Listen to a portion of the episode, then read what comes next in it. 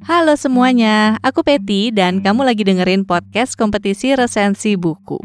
Sambil nungguin kiriman resensi buku nih dari teman-teman yang berpartisipasi di kompetisi, aku sempat mengobrol dengan beberapa teman pembaca buku soal cara-cara meresensi. Nah, siapa tahu bisa membantu kamu juga yang mau mulai mengulas buku. Episode ini adalah hasil rekaman Instagram live obrolannya. Teman pembaca yang pertama aku ajak ngobrol namanya Hestia Istiviani. Dia juga inisiatornya Baca Bareng. Jadi Baca Bareng ini tuh sebuah komunitas yang sesuai dengan namanya ngajakin kamu untuk baca bareng buku apa aja secara inklusif. Pokoknya komunitas ini tuh benar-benar bisa jadi temen buat kamu baca buku barengan di waktu-waktu tertentu. Kamu bisa cek Instagramnya Hesti di @hzboy1906 dan Instagramnya Baca Bareng di @bacabareng.sbc sama Hesti ini aku ngobrolin soal kenapa sih kita sebagai pembaca tuh harus meresensi buku dan sebenarnya keuntungan yang kita dapat tuh bukan cuma buat penulis yang karyanya kita suka tapi juga buat diri kita sendiri dan pembaca lainnya. Dan selain itu, Hesti juga ngasih beberapa tips yang biasanya dia lakukan pas lagi mengulas buku. Kalau mau tonton versi video obrolan ini, kamu juga bisa nonton di channel YouTube-nya Potluck Podcast. Selamat mendengarkan. Hai. Halo, halo Peti. Halo Hesti. Hai. Apa kabar? Alhamdulillah sehat. Peti gimana kabarnya? Sehat-sehat juga. Terima kasih ya sudah mau ngobrol-ngobrol nih sebentar di sini. Terima kasih juga Jadi, sudah mau mengajak aku ngobrol sore ini. Sama-sama. Jadi ini buat teman-teman yang sekarang lagi ada di sini, um, aku Peti, terus dari podcast Men Mata, dan ini udah ada Hesti di sini, Hesti Stiviani, dia salah satu, eh bukan salah satu, dia inisiatornya baca bareng ya, Silent Book Clubnya Jakarta juga. Dan Hesti ini ya, menurutku tuh salah satu pembaca yang kalau bisa dibilang tuh super aktif, pakai banget, pakai caps lock deh pokoknya. kalau ngomongin soal dia ngebahas buku-buku yang dia baca parah banget aktifnya di Instagram aktif, di Twitter aktif, terus mungkin di grup-grup WhatsApp tuh juga aktif juga kali ya. Nah itu aku nggak tahu sih, tapi pokoknya di media sosial tuh aktifnya udah pakai banget deh. Makanya kayaknya uh, cocok banget nih buat membuka karena kali ini aku pengen ngomongin soal resensi buku. Hesti kan juga sering banget ngulas buku ya, baik itu dia nulis um, Instagram di Instagram feed atau di story atau di Twitter pun juga. Mm -hmm um, sering banget update progres-progres buku yang dia baca. Terus kadang ya nggak jarang juga jadi ngeracunin orang-orang buat ikutan beli gitu, pastinya. nah, nah, tapi ya sebelum nanti kita bahas nih soal resensi buku, pengen tahu dulu dong, um, kebiasaan kamu membaca tuh gimana sih dulu awalnya lahir? Kalau aku lihat kan emang papamu tuh aktif banget ya, juga suka membaca nih, punya hobi yang sama. Betul. Jadi kalau bisa dibilang ya itu udah di udah ada sejak kecil sih, Pet. Jadi kayak yang memang dikondisikan uh, di rumah itu ya setelah maghrib ya kami kalau misalkan aku lagi nggak ada PR gitu atau nggak ada ujian ya di sekolah ya harus hmm. buka buku gitu belajar belajar sih baca gitu dan uh, karena kebetulan apa namanya ayahku kan seorang tenaga pengajar jadi beliau itu mempercayai hmm. bahwa kita nggak bisa cuma menghimbau tapi juga bisa mencontohkan. Karena ya namanya anak-anak kan mostly melihat apa meniru ya daripada dia ngikutin mm. uh, arahan dari orang dewasa gitu. Jadi itu yang tertanam juga gitu dari kecil. Makanya kayak semakin besar jadinya uh, kan aku di Surabaya aku bersama keluarga itu sampai kuliah ya sampai usia kuliah gitu 2015 jadi bisa dibilang ya aku melihat orang tua aku baca buku, melihat adik-adikku baca buku, terus setiap akhir pekan pergi ke toko buku itu menjadi sesuatu yang normal buat aku gitu. Jadi begitu aku 2016 aku pindah ke Jakarta karena dapat pekerjaan di Jakarta, itu menjadi sudah udah mendarah daging gitu loh, udah ya udah ada hmm. di dalam diri untuk terus baca gitu. Hmm, oke. Okay. Kalau buku pertama nih yang bikin kamu ketagihan, inget nggak apa? Uh, bikin ketagihan, jadi aku tuh sebenarnya awalnya malah baca ya baca komik ya pet jadi bukan kayak teman-teman yang lain yang baca novel mungkin okay. atau bacaan yeah. Iya. uh, baca-baca yang berat aku malah Sama. bacanya baca gue juga gitu. kok jadinya gara-gara itu sih akhirnya jadi suka baca tapi hmm. uh, kemudian diracunin sama mama dengan uh, bukunya Agatha Christie lalu kok kayak menyenangkan gitu ya baca bukunya Agatha Christie ya udah akhirnya keterusan deh sampai sekarang jadi uh, itu jadi comfort genre aku gitu Oke, berawalnya dari Agatha Christie bagi ya, berarti ya, gitu ya. Betul betul. Oke, terus kalau misalnya awalnya kamu mulai ini nih, mulai suka ngebahas buku-buku yang kamu baca tuh, waktu itu mulainya hmm. dari kapan sih? Apakah pertamanya menulis blog atau gimana? Awalnya itu aku rajin uh, nulis di Goodreads, jadi aku udah punya akun Goodreads hmm. kalau nggak salah tahun 2012 kalau aku nggak salah ingat ya 2012 hmm. itu aku udah punya akun Goodreads terus ternyata uh, di sana itu sebagai user si usernya Goodreads itu kita bisa nulis berbagai macam resensi gitu di sana terhadap buku-buku yang yeah. kita pernah baca di situ.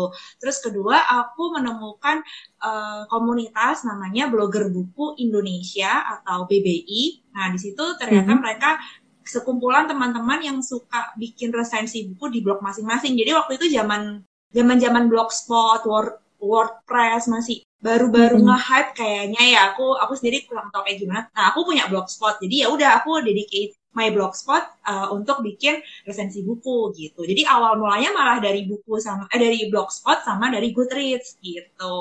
Hmm oke. Okay. Terus dari situ um, sampai sekarang apakah masih nih menu, uh, kalau di Goodreads sih aku lihat masih ya masih aktif juga hmm. meresensi buku. Terus kalau misalnya untuk di blog sendiri sekarang nih lebih sering gimana nih?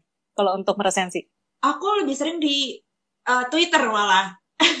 udah nggak di udah nggak di blogspot okay. di apa blogspot blogspot aku udah berdebu banget pet kalau dilihat udah kayak jarang sudah super jarang aku lupa aku lupa malah aku terakhir kali buka blogspotku kapan tapi itu udah bener-bener udah nggak udah nggak aku buka Twitter itu masih hmm. sering aku pakai sebagai reading tracker pribadi aku kalau Goodreads ini nih PR juga karena Goodreads aku sukanya meresensi kalau aku lagi buka laptop. Nah, Goodreads itu kan ada hmm. aplikasi di handphone ya. Kalau aku yeah. ngetik panjang long form di handphone itu kayak apa ya? Aku nggak nggak serak aja gitu. Pasti pasti kita akan lebih sering uh, apa salah ketiknya gitu. Jadi makanya aku lebih suka kalau misalkan bikin resensi buku di Goodreads kalau pas lagi buka laptop. Nah, makanya kayak dengan adanya Twitter yang microblogging dan kita dibatasi hmm. cuma 280 karakter, jadi kayak itu juga melatih aku untuk bikin resensi yang uh, compact gitu loh yang nggak aku nggak harus ngetik panjang-panjang tapi kalau bisa inti dari kesan dan pengalaman membaca aku bisa tersampaikan dalam satu tweet gitu Hmm, dan mungkin nggak cuman kamu kayak nulis di Twitter nggak cuman ketika selesai membaca ya. Jadi kadang kan progresnya udah sampai halaman berapa tulis pendapat, udah sampai ya. halaman berapa tulis pendapat, Betul. kayak gitu juga ya. Betul sekali. iya, jadi makanya tadi aku bilang jatuhnya kayak reading tracker gitu, Patty. Jadi awal, hmm. jadi kalau di aku ya karena aku tuh sebenarnya kalau punya kalau reading tracker itu punya tiga. Jadi Goodreads kan Goodreads ada ada mode yang currently reading lah yang itu currently reading itu kan eh, sebagai pengguna kita bisa update tiap kali kita udah sampai halaman berapa. Lalu setelah itu aku punya juga hmm. di uh, Excel, aku punya spreadsheet yang memang untuk nge-track juga gitu. Lalu yang ketiga ya di Twitter gitu yang paling gampang kalau buat aku aku anaknya Twitter banget sebenarnya jadi uh, aku biasanya ngefoto aku lagi baca buku apa jadi aku ngefoto covernya gitu terus aku tulislah itu judul sama uh, si penulis atau pengarangnya lalu nanti di tweet-tweet selanjutnya aku bentuk dalam uh, dalam thread gitu dalam kutas. Nah di bawahnya itu ya hmm. respon aku, pengalaman membaca aku, apakah oh misalkan kayak baru sampai halaman 10 aku udah ngerasa oh amazed nih bukunya bagus gitu-gitu. Jadi kayak udah itu jadi bener-bener di rekaman hmm. buat aku jadi di tracker aku gitu. Hmm, oke. Okay. Kalau tracker gitu terus mungkin kayak misalnya ditulis gitu ya di media sosial nanti hmm. kepikiran gak ntar misalnya sampai halaman sekian wah ternyata bukunya mengecewakan nih gitu.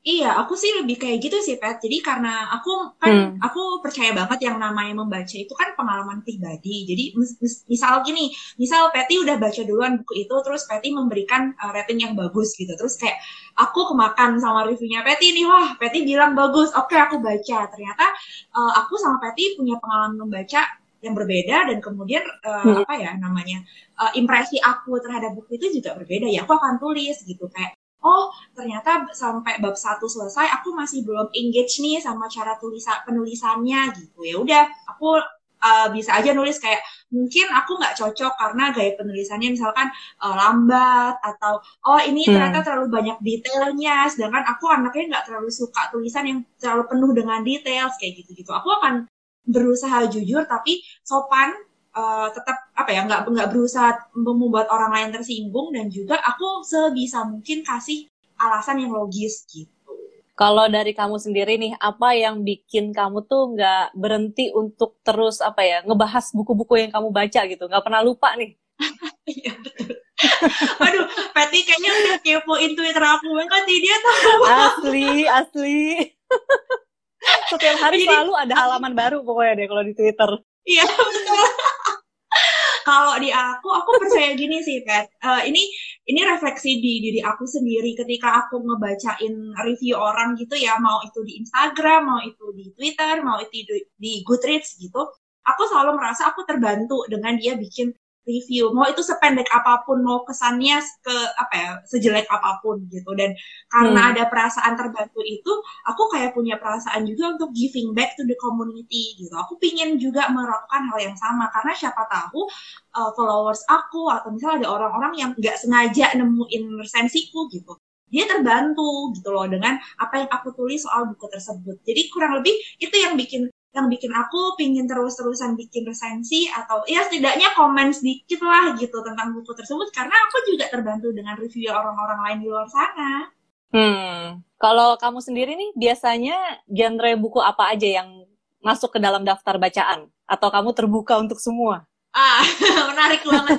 Kalau kalau dibilang comfort genre aku itu fiksi dan psychological thriller. Jadi ya tadi Agatha Christie, hmm. terus Sherlock Holmes gitu ya dan beberapa uh, buku-buku uh, yang memang uh, jatuhnya kayak film-film kayak film-film horror thriller gitulah. Nah, cuman yeah. saat belakangan ini aku menyadari bahwa ternyata kita itu sebagai pembaca itu tumbuh juga bersama dengan bacaan kita.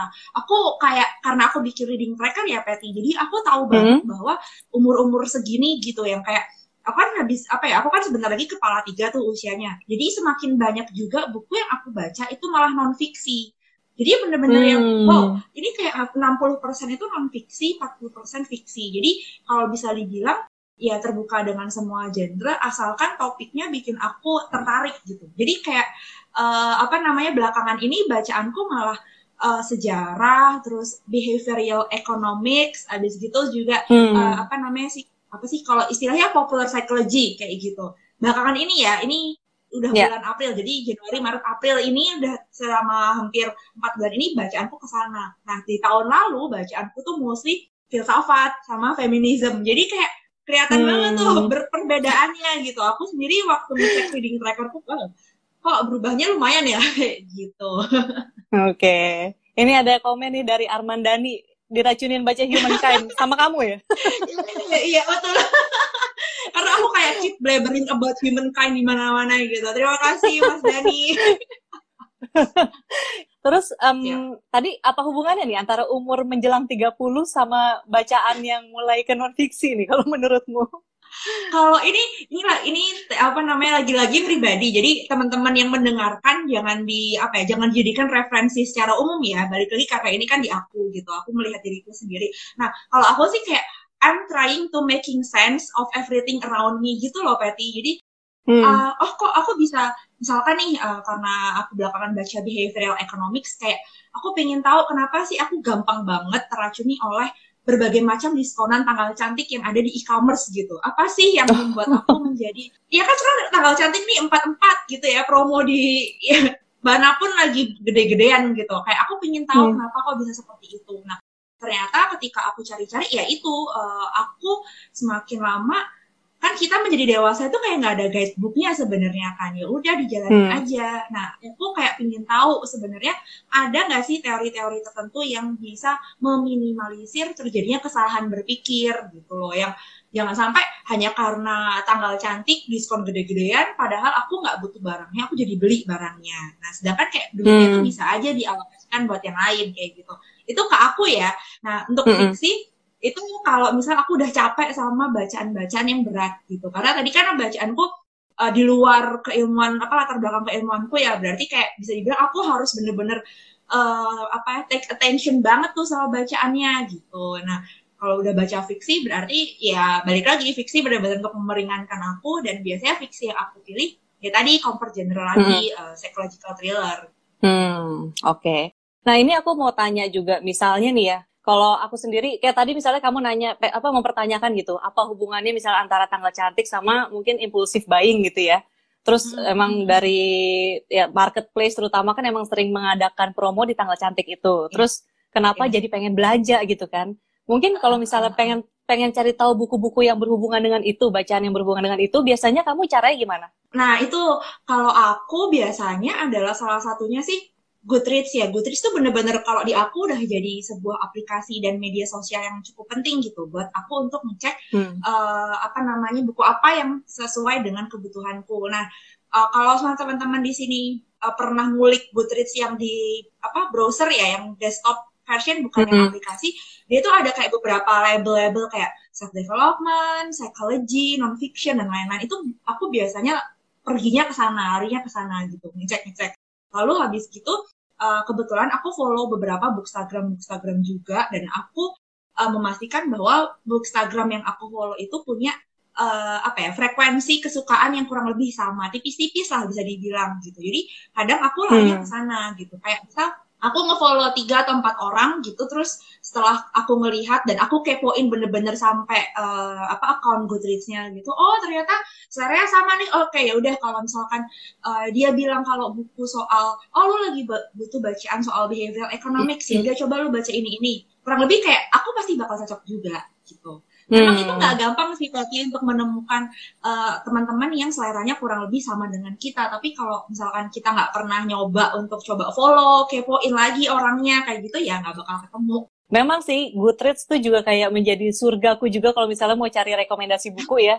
Dan yes. mungkin kalau misalnya nyari rekomendasi buku luar di Goodreads tuh lebih mudah ya karena kan yang review jauh lebih banyak karena bahasa Inggris. Mm -hmm. Terus memang juga untuk nyari buku rekomendasi buku Indonesia di Goodreads itu juga um, salah satu cara juga cuma memang sayangnya ya mungkin karena bahasa juga jadi jumlah reviewernya tuh pun juga nggak sebanyak itu. Terutama sih mm -hmm. untuk buku-buku mungkin yang yang sastra kali ya. Makanya aku juga menganggap memang aku sendiri nih udah baca berapa buku, tapi mungkin yang akhirnya dibahas tuh nggak nggak sama lah sama Hesti nih ya, belum sebanding nih sama Hesti. Aduh jadi malu jumlahnya. Tapi menurutmu nih, kenapa mengulas buku itu bukan menurutmu? Mungkin setuju nggak nih ya? Kayak mengulas buku itu sebenarnya bukan cuma penting buat kita sebagai pembaca supaya kita dapat rekomendasi buku, tapi sebenarnya juga untuk penulis kan. Karena ya itu dia karena tadi uh, di Goodreads sendiri mungkin belum banyak kalau untuk buku Indonesia belum jumlahnya belum segitu banyak. Makanya kalau misalnya ada orang-orang seperti Hesti ini dibanyakin yang kena racun juga makin banyak gitu. Alhamdulillah. Iya, terus um, oh sebentar sebelum bertanya ini ada yang nanya dari Rik Rik Fuad okay. Wahab. Adakah istilah untuk membaca buku yang berlebih? Jika ada ciri-ciri kita baca buku berlebih itu seperti apa Mungkin kalau baca buku berlebih tuh kalau kebanyakan baca nggak selesai-selesai kali ya atau gimana? nah, aku nggak tahu juga tuh jawabannya kayak gimana karena ya balik lagi ya uh, aku juga nggak expert di bidang ini gitu. Aku ya basically aku suka baca ya emang karena aku suka baca udah gitu aja pelarian dan hiburanku yang pertama kali aku cari kalau misalnya bosan, suntuk, capek gitu ya, mostly adalah uh, apa namanya baca buku gitu. Jadi aku nggak tahu deh apakah ada apakah ada istilah resminya dan apakah itu uh, buruk untuk kita gitu aku aku kurang tahu tapi kalau sampai misal hmm. merasa bahwa ternyata membaca buku ini sampai menyita waktu bekerja kita secara formal. Misalkan teman-teman di sini ada yang harusnya kerja 8 sampai 5 sore gitu. Terus karena hmm. keranjingan baca, jadi kayak ya nyuri-nyurinya tuh bangetan gitu loh, bukan lagi di break makan siang tapi bisa sampai molor aja terus gitu baca. Itu kan kayak jangan sampai tanggung jawab kita malah uh, dikorbankan hanya karena kita terlalu suka sama baca. Hmm, ya kayak jangan binge watching film juga ya. Kalau kelamaan ya, itu ya. kan juga sampai akhirnya nggak produktif ngerjain yang lain terus nggak bisa dapat duit nanti buat hidup gitu kan susah. Iya, ya kalau ini kayak gitu Iya. Oke, ini oh ya, halo, mari pada baca. Apa kabar? Ada di sini juga. Terus, um, oke, okay, ini masuk ke resensi buku nih. Aku pengen nanya, kalau misalnya hmm. caramu sendiri dalam meresensi buku nih, pertama-tama apa sih ya apa aja tuh step-stepnya yang kamu lakukan? Uh, ini karena aku udah belajar dari, jadi aku sudah pernah menulis resensi kan sejak tahun 2012, ya itu aku belajar banyak banget sesuai dengan, yang pertama aku yang paling gampang kerangka tulisan ala-ala jurnalis yang pakai kerangka 5W 1H, itu sudah pernah hmm. aku lakukan gitu. Kayak ya teman-teman mungkin tahu 5W 1H-nya di jurnalistik, yang kurang lebih aku mencoba seperti itu. Lalu aku hmm. juga udah pernah yang mencoba menggali pakai kalau misalkan teman-teman pernah uh, dapat mata pelajaran bahasa Indonesia, terus kemudian disuruh menyebutkan unsur intrinsik novel. Nah, yang kayak gaya bahasa, plot, penokohan, karakter, uh, apa namanya gaya penulisan itu itu juga aku pakai. Jadi aku berbagai macam cara sih untuk uh, untuk meresensi. Nah, yang belakangan ini aku lakukan adalah aku menyesuaikan dengan uh, keadaan aku saat ini. Jadi misal aku kan baru hmm. barusan aja nulis resensi buku Humankind gitu. Dan aku di situ menulis bahwa aku membaca ketika keadaannya ABCD gitu. Sehingga nantinya aku berharap teman-teman yang membaca ini itu tahu uh, oh kenapa Hesti ngasih 4 dari 5 karena ketika Hesti baca itu kondisinya uh, apa lagi pandemi nih. Kita lagi butuh sesuatu yang berbau-bau optimis gitu. Nggak cuma menakut-nakuti keadaan sekarang. Nah itu yang aku lakukan sekarang adalah mencoba untuk uh, melekatkan resensi itu dengan pengalaman aku ketika membaca karena itu mempengaruhi penilaian aku. Tapi yang paling penting, hmm. ini yang aku pelajari juga dari teman-teman reviewer ya, itu adalah biasanya yang dicari oleh para pembaca untuk meyakinkan diri bahwa this is worth it or not, itu pertama dari konten apakah membosankan atau tidak, dan kedua, apakah bahasanya sulit atau tidak. Bahasa sulit atau hmm. tidak ini lebih ke arah apakah misalkan bahasanya menggunakan bahasa-bahasa yang teknis, yang sebelum kita baca itu kita harus punya latar belakang pendidikan tertentu misal atau bahasa yang umum yang ya udah uh, misalkan aku baca buku-buku sejarah gitu. Aku nggak begitu tahu dan nggak begitu ngerti event-event tertentu tapi uh, karena penulisnya emang nulisnya enak uh, cara penjelasannya juga gamblang gampang dimengerti oh berarti ini bisa nih dibaca sama orang-orang kebanyakan gitu jadi sekarang aku beralih ke untuk memberikan uh, memberikan penjelasan ke seperti itu sih Peti lebih ke bisa dipahami atau tidak mm. oleh orang awam sama membosankan atau tidak. Oke, okay. dua hal itu ya yang penting. Sama memang ini hmm. sih tadi yang kamu bilang ya, ada unsur pendapat personalnya. Kamu membaca buku itu dalam kondisi seperti apa, maka respons yang keluar pun bisa berbeda-beda ya, tergantung lagi kondisi pikiran betul. kita saat itu tuh kayak gimana. Iya, iya, betul banget, betul banget. Oke, okay. dan memang ya menariknya review buku itu kan sesuatu yang pribadi. Mungkin mungkin ada nih misalnya ada saran gak nih misalnya untuk pembaca ya yang menganggap kayak aduh takut ah nge-review buku ini misalnya orang-orang pada bilang bagus tapi kok aku nggak suka ya gitu. Atau misalnya buku yang orang bilang jelek tapi dia suka gitu. Sebenarnya kan kalau menurut dia itu bagus untuk bagus untuk dia kenapa nggak dituliskan gitu? Oh kayak ini yang aku juga sering dapat pertanyaan kayak gitu sih Patty kayak misalkan hmm. ada beberapa orang yang ngerasa oh si apa bukunya A itu kata banyak orang bagus tapi kenapa sama saya nggak cocok ya? Nah itu nggak apa-apa banget kalau misal mau ditulis uh, biar in mind teman-teman bahwa membaca adalah pengalaman pribadi. Jadi meskipun kita berada pada apa namanya misalkan uh, contohnya aja aku sama adik-adikku gitu uh, kami kami bertiga pada satu atap yang sama gitu. Tapi karena kondisinya memang berbeda maka pengalaman bacanya pun berbeda walaupun yang kami baca judulnya sama dan itu nggak masalah. Yang sering kali bikin orang takut kan karena takut di langsung dijudge gitu ya ah lo hmm. aja yang nggak ngerti sama sama tulisannya gitu loh emang kenapa orang buku itu uh, setiap buku tuh selalu punya pembacanya kok dan wajar banget kalau misal ada satu buku yang kita nggak cocok gitu itu itu sama kayak preferensi makanan mungkin ya ada orang-orang yeah. yang nggak suka makanan pedas ada orang-orang yang suka makanan pedas dan nggak ada yang salah dengan itu gitu jadi untuk teman-teman yang mungkin takut menjadi anomali dalam uh, menyajikan resensi gitu, nggak apa-apa, nggak masalah. Dan memang itu sudah resiko sih. Jadi nggak uh, perlu terlalu dibawa ke hati. Kalau misalkan teman-teman, misalkan mengatakan tidak setuju gitu ya, ada buku hmm. yang selalu dikasih bintang 5, terus teman-teman kasih bintang satu. Coba tuliskan alasannya kenapa. Misal, aku uh, aku waktu itu di salah satu podcast gitu pernah uh, cerita bahwa aku nggak cocok sama tulisannya Dan Brown.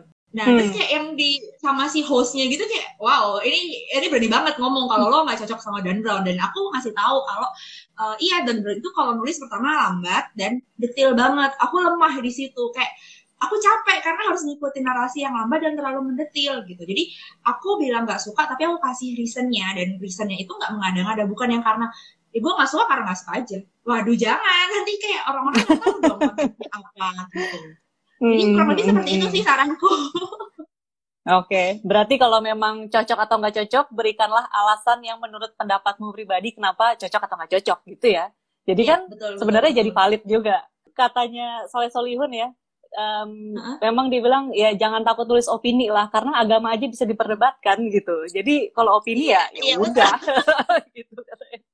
Iya katanya- sih. iya iya iya iya. Katanya Putih nih ya dari BBB Book Club takut diserang bala-bala fanboy atau fangirl.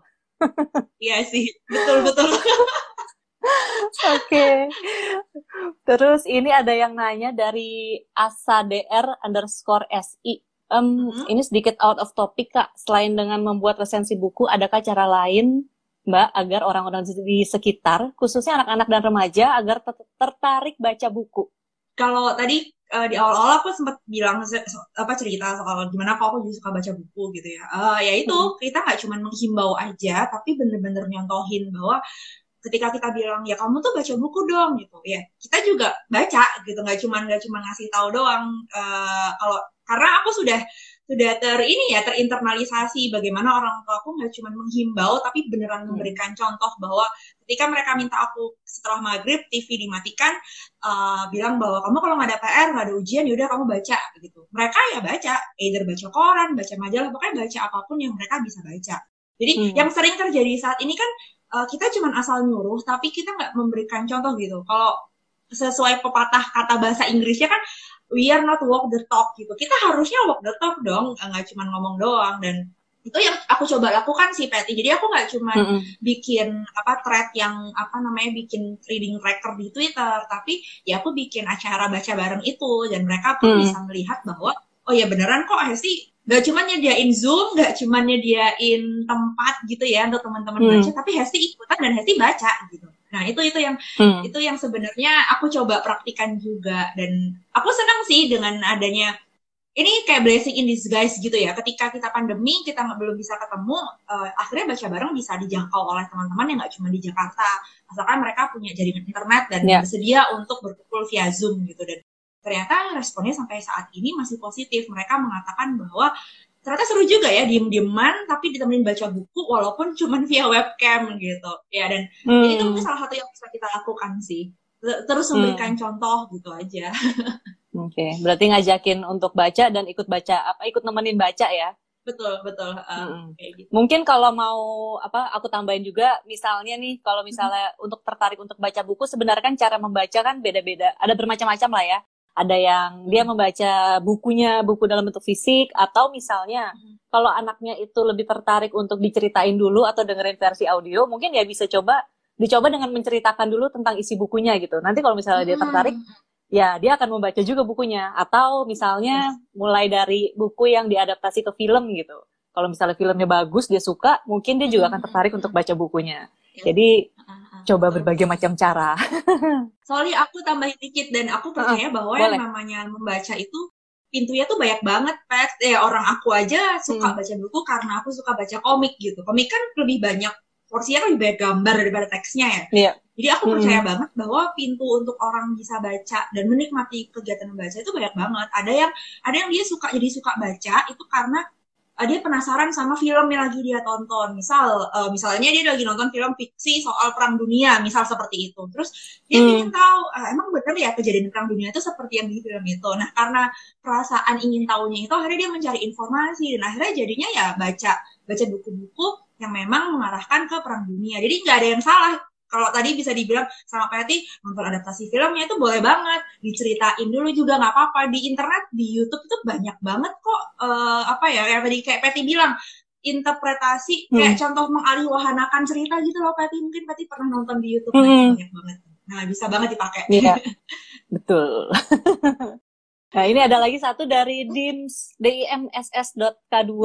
Antara resensi buku dalam bentuk tulisan sama audio itu sama nggak kak? Apa cuma perlu baca yang resensi versi tulisan kita aja? Eh sebenarnya Hmm. sih ter- tergantung ya. Kalau misalnya orangnya bikin Hmm. tulisan terus dia bacakan dalam bentuk audio ya tentu saja sama gitu. Cuman kalau misalnya Mm-mm. dia tergantung orangnya yang bikin itu versinya kayak gimana sih bisa kalau dia Mm-mm. bilang Iya. yang audio versi concise, terus kalau misalnya mau yang lengkap dengerin baca tulisannya, ya itu juga bisa ya. Beda-beda dari orangnya aja sih kalau itu ya. Betul betul. Hmm, setuju itu juga preferensi kok. Ada yang mungkin bisa bisa tahu uh, apa podcast kutu buku podcastnya Mas Adit itu kan juga resensi buku kutu. Audio. Nah itu bisa aja. Oh ya buku kutu kembali. Jadi bisa bisa bisa coba dengerin di sana juga. Aku kalau aku pribadi karena aku anaknya lebih suka membaca dan menulis, jadi lebih nyaman untuk menulis daripada bikin resensi audio gitu. Tapi kayaknya bisa dicoba sih untuk bikin resensi hmm. audio. Hmm. Iya, betul. Boleh dicoba. Ya sebenarnya makanya podcast Mehmata kan juga sebenarnya lagi bikin kompetisi podcast resensi buku nih. Ya karena kalau aku sendiri hmm. basisnya podcast. Makanya ngajakin bikin resensinya dalam bentuk audio gitu. Lanjut nih ke soal meresensi, bu meresensi buku ya Biasanya setelah hmm. kamu baca, berapa lama sih waktu yang kamu perlu ini untuk bikin resensi? Wah, macam-macam, Patty. Ada yang mungkin aku perlu mengendapkan dulu. Itu kalau beneran yang sampai berbikin aku kepikiran ya, yang hmm. uh, bisa dibilang mind blowing versi aku bacanya itu kayak bisa bisa lama untuk apa namanya mengendapkan. Kenapa aku endapkan? Karena pertama biasanya ada beberapa hal. Aku kan kalau lagi baca buku itu kayak mungkin teman-teman tahu istilahnya active reading ya. Aku nggak cuma membaca, tapi aku annotating sama taking notes. Dan itu kalau pakai buku fisik itu udah pasti tuh uh, bukunya banyak post it, banyak coret-coret dari hmm. apa namanya pensil gitu. Nah, aku membutuhkan waktu untuk merangkai kesanku dan bagaimana aku mengaitkan kesanku tersebut dengan eh, buku-buku uh, lain gitu. Jadi itu itu bisa bisa lama. Tapi ada juga buku-buku yang misalkan sekali duduk yang cuma 100 halaman gitu yang bisa aku selesaikan dalam dua jam itu biasanya aku bisa langsung ngasih resensi gitu resensi hmm. udah di kepala aku udah tahu nih oh aku mau uh, mau ngepost soal oh aku suka bukunya karena bukunya ABCD gitu lah penulisnya begini-begini menarik bla bla bla dan kalau kamu pingin baca sebaiknya kamu baca yang kayak gini gini gini jadi ada beberapa ini sih tergantung kondisi bukunya juga hmm oke okay. antara buku fiksi atau non fiksi itu treatmentnya udah beda lagi ya iya betul betul okay. banget kalau versimu nih um, gimana caramu menilai kalau menurut pendapatmu pribadi ya, gimana caramu menilai sebuah buku itu bagus atau enggak? Wah, sulit ya. Langsung dikasih pertanyaan sulit nih. Um, uh, buku yang bagus itu yang bisa bikin aku mikir, terus abis gitu meninggalkan banyak banget uh, ini apa namanya notes di, di bukunya. Jadi benar-benar hmm. yang bisa apa ya namanya benar-benar post it di mana-mana. Wah gila sih itu bisa benar-benar aku melingkari banyak hal di situ gitu itu bagus. Uh, Kamu lingkarinnya pakai pensil? Apa pakai bolpen? Pensil. Oh, pensil, pensil, Belum setega itu, belum setega itu. Okay. Jadi kalau misalnya kayak baru-baru ini aku baca Humankind gitu ya. Nah, Humankind hmm. kan uh, di Goodreads aku kasih bintang 5 gitu ya. Karena itu benar-benar mind blowing buat aku yang selama ini mematahkan belief aku terhadap beberapa hal. Kayak beliefnya itu tuh kayak wah udah mengakar nih. Ini kayak nggak bisa dipatahin sama hal lain. Ternyata di buku Humankind dibahas dan aku merasa wah ternyata ada ya pendapat-pendapat bagus gitu ya di dalam hmm. apa namanya uh, menentang suatu teori gitu itu tuh kayak wah aku nggak bisa nggak bisa bisa dibilang susah untuk sekedar mengekspresikannya di tweet di tweet. Makanya aku hmm. bikin resensi panjang gitu. Beda sama ketika aku baca bukunya Bill Gates gitu kan. Baca buku Bill Gates buat aku kayak aku udah tahu nih udah udah ngerti jalan pikirannya gitu. Jadi ya aku cuma kasih bintang tiga dari lima kayak gitu gitu. Oke. Okay. ini ada yang nanya oh ini um, oh sebentar. Tadi Armandani sempat komen soalnya Kemarin kamu sempat oh, bikin roasting okay. ya? Dia bilang ini, kemarin nonton yeah, roasting betul. Hesti dan aku terpukau dengan diskusi kalian, terutama soal ngurangin baca buku penulis Cishet. Ada terlalu banyak buku sementara usia kita nggak makin muda, jadi perlu ragam. Oh itu betul banget sih, ada terlalu banyak buku, betul.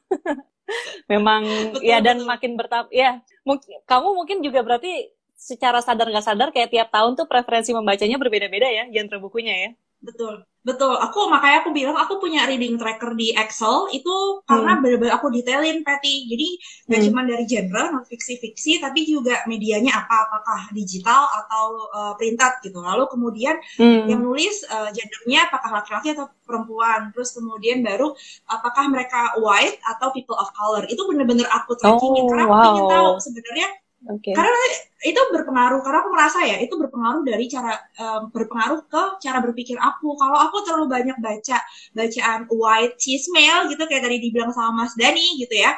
itu akan hmm. banget ntar aku akan seperti itu gitu makanya I need to uh, membuat menjadi lebih beragam dengan memperbanyak bacaan-bacaan dari mungkin uh, orang-orang kulit berwarna dari para perempuan kayak gitu Hmm, oke. Okay. Mungkin nih yang belum tahu nih, uh, kalau nggak salah aku sempat sempat lihat di mana gitu. Memang Hesti ini backgroundnya librarian ya. Betul, betul. S1-nya ilmu perpustakaan. Nah, makanya sangat teliti sekali nih soal mendokumentasikan pengarsipan yeah. gitu. Jadi luar biasa sih. Betul, betul. Ini ada yang nanya, Rik Rik Fuad Wahab lagi, Mbak Patricia dan Mbak Hesti, adakah target membaca dalam setahun? Wah, kalau aku nggak ada, karena kalau aku memang pembaca yang cukup lambat, jadi kayak ya udah menikmati aja uh, baca buku apa selesai. Cuman memang aku baca biasanya nggak satu buku nunggu selesai, tapi beberapa buku sambil dibaca barengan, ya ntar lihat aja selesai duluan yang mana gitu. Kalau Hesti gimana?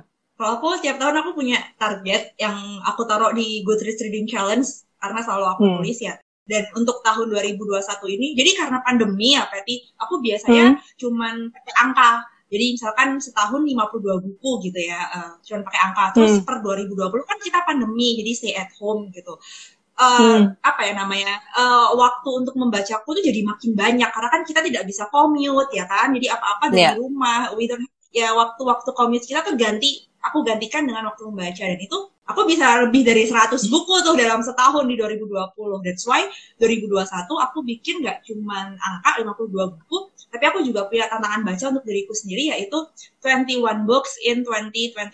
Jadi ada dua, ada 21 judul buku yang harus aku selesaikan di 2021. Itu tantangan baru karena biasanya aku nggak uh, tidak menargetkan harus baca buku apa aja tapi benar-benar pure cuman jumlah yang tahun ini aku punya tar, uh, punya tantangan sendiri untuk menyelesaikan buku-buku yang udah aku set dari awal tahun gitu. Oke. Okay. ya, berarti nanti kita lihat akhir tahun kayak gimana nih. ini ada yang nanya lagi, um, Dims K2, kalau kita nyebutin kalimat atau adegan favorit dari, dari buku yang lagi diresensi itu boleh nggak kak? Kalau aku sendiri sih sebenarnya nggak masalah ya nyebutin kalimat karena aku juga suka ketika misalnya ada yang ngasih tahu quote favorit mereka dari buku itu tuh seperti apa gitu. Terus ketika baca kan wah keren banget nih tulisannya jadi pengen baca juga gitu. Sama adegan favorit juga sebenarnya nggak apa-apa asal mungkin jangan spoiler ya karena kan ya ada iya. beberapa yeah. pembaca yang memang sensitif sama spoiler gitu. Kalau kamu ada tambahan mungkin? aku aku biasanya menggunakan kutipan favorit itu untuk memperkuat statement aku kenapa aku suka atau statement aku kenapa aku tidak suka gitu terus aku menjelaskan jadi oh, okay. biasanya uh, di Goodreads itu aku pakai aku membuka setiap resensiku di Goodreads dengan kutipan dengan kutipan dari buku hmm. itu lalu aku jelasin kutipan tersebut uh, adalah bla bla bla bla bla terus aku kayak bilang ya itu yang menjadi pemantik kenapa saya uh, tertarik untuk membaca buku ini kayak gitu jadi nggak masalah selama Eh, nggak uh, nggak spoiler. Aku sebisa mungkin tidak spoiler karena ya itu menghargai hmm. teman-teman yang pingin uh, pingin mendapatkan informasi tanpa harus terpapar dengan spoiler. Hmm, setuju. Ada lagi dari Pitch Book Love. Mungkin ini agak melenceng, hmm. tapi aku penasaran dengan cara kalian mengatasi reading slump. Wah, biasanya sih kalau aku lagi males baca ya cari kegiatan yang lain sih, nonton film dulu, mungkin kayak ya nonton series, nonton apa, terus uh, kayaknya ujung-ujungnya nanti nggak tahu ya selalu ada kekangenan untuk balik membaca sih. Iya iya iya. Ya. Kalau Petty larinya ke nonton ya. Nah aku tuh beneran yang kalau iya. dibilang uh, apa ya? Aku tuh langganan streaming service nonton kayak Netflix atau HBO Go itu kayak cuman cuman sebagai pajangan kalau bisa dibilang kalau karena aku kan nonton oh, anime ya okay. di Netflix tuh banyak uh -huh. banget anime jadi aku langganan karena aku butuh anime tapi hmm. aku kalau reading slump nggak lari ke tontonan larinya ke buku juga yang mana itu bukunya balik lagi fiksi dan comfort genre aku psychological thriller lagi oh, kalau misalkan okay. kalau itu berarti nggak reading yang tetap baca iya tapi itu caranya gitu atau kalau okay. aku membaca ulang buku-buku yang sudah pernah aku baca kayak yang sering aku baca hmm. ulang tiap kali tiap kali aku reading Islam itu ya buku bukunya Agatha Christie yang And Then There Were None itu itu udah nggak tahu deh berapa oh, kali itu aku baca buku itu okay. tiap kali aku reading Islam gitu. itu untuk meningkatkan kayak oh aku kangen rasanya membaca gitu ya udah ntar kalau misalnya udah selesai aku balik ke bacaan-bacaan yang waktu itu stuck aja belum aku lanjutin Hmm, oke. Okay. Dan mungkin ya, kalau misalnya kamu ngerasa kamu lagi stuck sama bacaanmu, mungkin emang belum saatnya baca buku itu juga bisa loh. Jadi ya, coba aja cari-cari bacaan yang lain. Iya, betul betul. Dan jangan apa jangan merasa takut untuk tidak menyelesaikan bacaan. Once again, yang namanya membaca itu pengalaman pribadi teman-teman. Jadi kalaupun teman-teman cuma sampai kayak setelah dua bab saya nggak cocok, ya udah nggak apa-apa, di, di mm dilupain aja, ganti hal bacaan lain. Mungkin ada yang suka ngerasa bersalah kalau yang istilahnya kan did not finish ya. Yes, uh, uh, uh. Nggak, jangan jangan merasa seperti itu, ngapain nggak usah. Oke, okay. kalau kamu sendiri nih, misalnya aku tanya um, rekomendasiin satu penulis Indonesia ya, yang menurutmu karyanya harus kamu baca, kamu akan bilang siapa? Ahmad Tohari. Ahmad Tohari. Oke. Okay. Semua bukunya ya? aku, ya? Iya, itu bener-bener mungkin teman-teman uh, yang pernah belajar bahasa Indonesia di sekolah pasti tahu uh, Ronggeng Dukuh Paruk itu kan selalu menjadi potongannya tuh selalu ada di soal ujian.